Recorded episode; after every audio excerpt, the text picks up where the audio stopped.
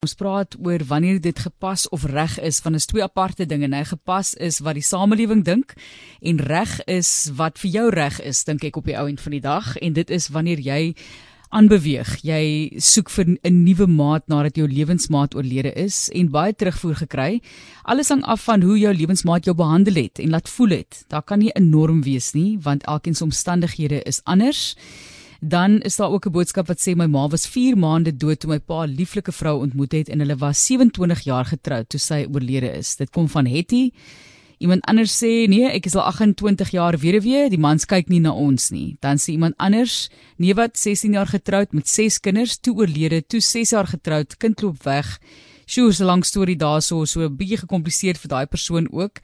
Dan my vrou al amper 6 jaar oorlede, sal nie weer trou nie want ek weet wat ek gehad het, sal nie weer so iemand kry nie. Dis Barry van KZN. So dit is van die terugvoer wat ek gekry het. Ek gaan nog 'n paar bietjie later lees, maar ons het 'n gas om jou daarmee te help indien jy met hierdie vraag worstel. Pieter Leroux is soms op die lyn Imago kliniese terapeut en hy gaan vir ons bietjie daarmee help. Maar voordat ons gesels oor die mites van die rouproses ook Pieter, jy weet ek kry so gevoel hier is definitief 'n generasie gaping tussen wat gedink word oor wat gepas is. Jy weet, jy dink byvoorbeeld die ouer generasie voel ten minste 'n jaar en die nuwe generasie voel dalk 6 maande, selfs minder is gepas. So voordat ons kom by wat is reg vir jou as mens, wat wat sal jy sê oor wanneer dit gepas is? Goeiedag Martelies en baie ehm um, goeiedag aan al die luisteraars. Ja, weet jy wat hierdie is so 'n persoonlike saak, ehm um, vir elke persoon en dit is definitief soos wat jy sê dit is so geheg aan ehm um, en gekoppel aan generasies en wat mense dink en aan mense se persepsies. Uh voorheen sou mense gesê het, weet jy wat jy moet 'n minimum van 6 maande rou of jy moet 'n minimum van 'n jaar rou voordat jy eers uh, byvoorbeeld weet jy wat jy swart moet aantrek of net ten minste 'n uh, armbandjie moet aantrek net wat wys dat jy rou. So weet daar is daar's heelwat mites in die rouproses. En ek dink die een ding waarna ek graag wil aanraak is dat weet daar's baie navorsing gedoen oor die rouproses en die verskillende fases waardeur mense gaan. Uh jy weet die fase van skok en dan is jy in ontkenning en dan is jy kwaad en depressief en so gaan jy aan totdat jy by aanvaarding kom. Maar ek dink die op skoon dit definitiewe fases is, moet mense onthou dis 'n proses. Die mite is dat weet jy ek is nou by stapie 1 en nou gaan ek na stapie 2, stapie 3 en dit is tydsgebonde so na 6 maande moet ek by die plek wees waar ek dit aanvaar. Ek dink dit is 'n totale mite daai. Dit is vir elkeen uniek en daarom vat dit vir sommige mense langer en weer en dis weer vir ander mense makliker om vinnig die dood van hulle liefdes ja. te verwerk. Ons het jou inligting asseblief nodig van hoe ons dit nou moet doen. Jy sê daar is baie mites oor die rouproses natuurlik en die feit dat 'n mens byvoorbeeld ook nog nie weet wanneer jy deur die rouproses is om te kan aanbeweeg nie. Jy spring byvoorbeeld in by of maak vinnige besluite in daai tyd wat jy nie gewoonlik andersins sou gedoen het nie. So gee net vir ons 'n idee van daardie mites wat mense het of inglo.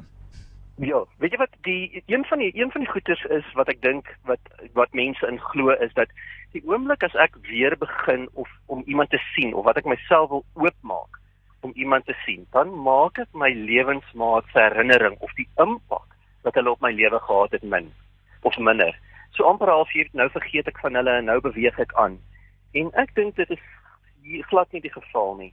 Een van die groot dinge wat mense weerhou om weer iemand te ontmoet, is skuldig. Hulle voel dood eenvoudig skuldig en dan ontneem hulle hulle self van daai wonderlike geleentheid om dalk weer iemand te ontmoet. En ek dink die gevaar daaraan is dat dan mense dat 'n mens dan in 'n diepe mate van 'n eensaamheid kan verval. So ek dink dit 'n gesonde balans is meer 'n en-en benadering. Ja, ek onthou my lewensmaat en die wonderlike impak wat hulle op my lewe gehad het en die ons geskiedenis saam en al die stories, maar ek erken ook ek is my eie mens met 'n behoefte aan koneksie, aan 'n behoefte om iemand in my lewe te hê en om my lewe diep met iemand anders te deel. Ja, ek dink daarom op die ou end as die persoon vir jou lief was, dan sal hulle wou gesien het dat jy ook weer gelukkig kan wees. Maar daar is 'n paar mense wat net sê ek dink nie ek kan my nie voorstel dat ek weer iemand gaan vind soos hierdie persoon nie. Hulle was net fantasties geweest byvoorbeeld en ander ons daar's 'n paar ander dinge wat ons eendag ook moet bespreek Pieter wat ek dink nogal interessant is. Maar kom ons gesels net 'n bietjie oor die raad. En soos jy gesê het, as jy besluit om aan te beweeg, dit beteken nie jy maak daardie impak van die vorige lewensmaat op jou lewe of jou herinneringe minder nie. En ek dink dit is ook wat 'n mens probeer weergee aan kinders, byvoorbeeld wat hierdie nuwe stap nie maklik neem nie of dit maklik aanvaar nie. Kinders vind dit baie moeilik, né? Absoluut, absoluut. So as ek as ek kan vinnig raak aan wat jy gesê het, hoe weet ek ek is reg om weer te as ek so die Engelse woord kan gebruik om weer te begin duik?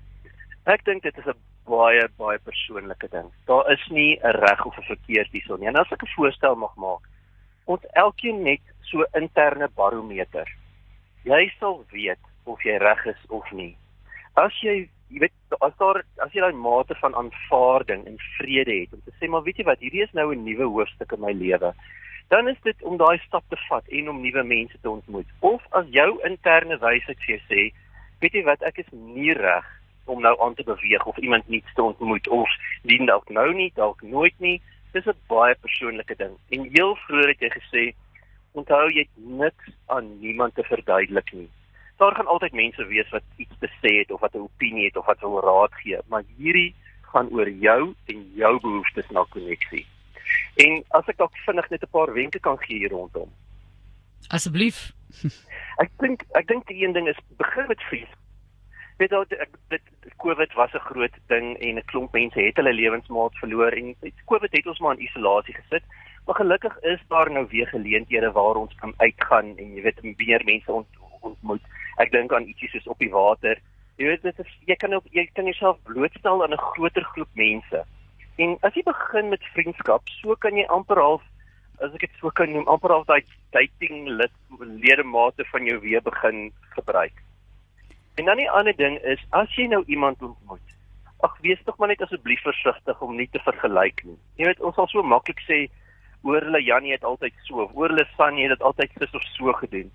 En verhoudingswetenskap wys vir ons dat ja, daar's jy sal dalk iemand kies wat baie dieselfde eienskappe het as jou vorige lewensmaat, maar bly nuuskierig oor die nuwe persoon wat jy ontmoet het. Onthou, dit is 'n unieke persoon, dis 'n unieke en 'n nuwe verhouding en wees nuuskierig. En dan net laaste in al hierdie goed wat gebeur, hou maar net kop en pas jou hart op. As ek sê hou jou kop, onthou verlies laat 'n leemte binne in ons en ons wil graag daai leemte vul met iets. En dit is so maklik dat as die eerste persoon hier op jou pad kom dat jy dink, "O, oh, hierdie persoon gaan nou aan al my behoeftes voldoen en hierdie is nou die persoon." Hou maar net eers kop en kyk die kat uit die boom uit en pas jou hart op.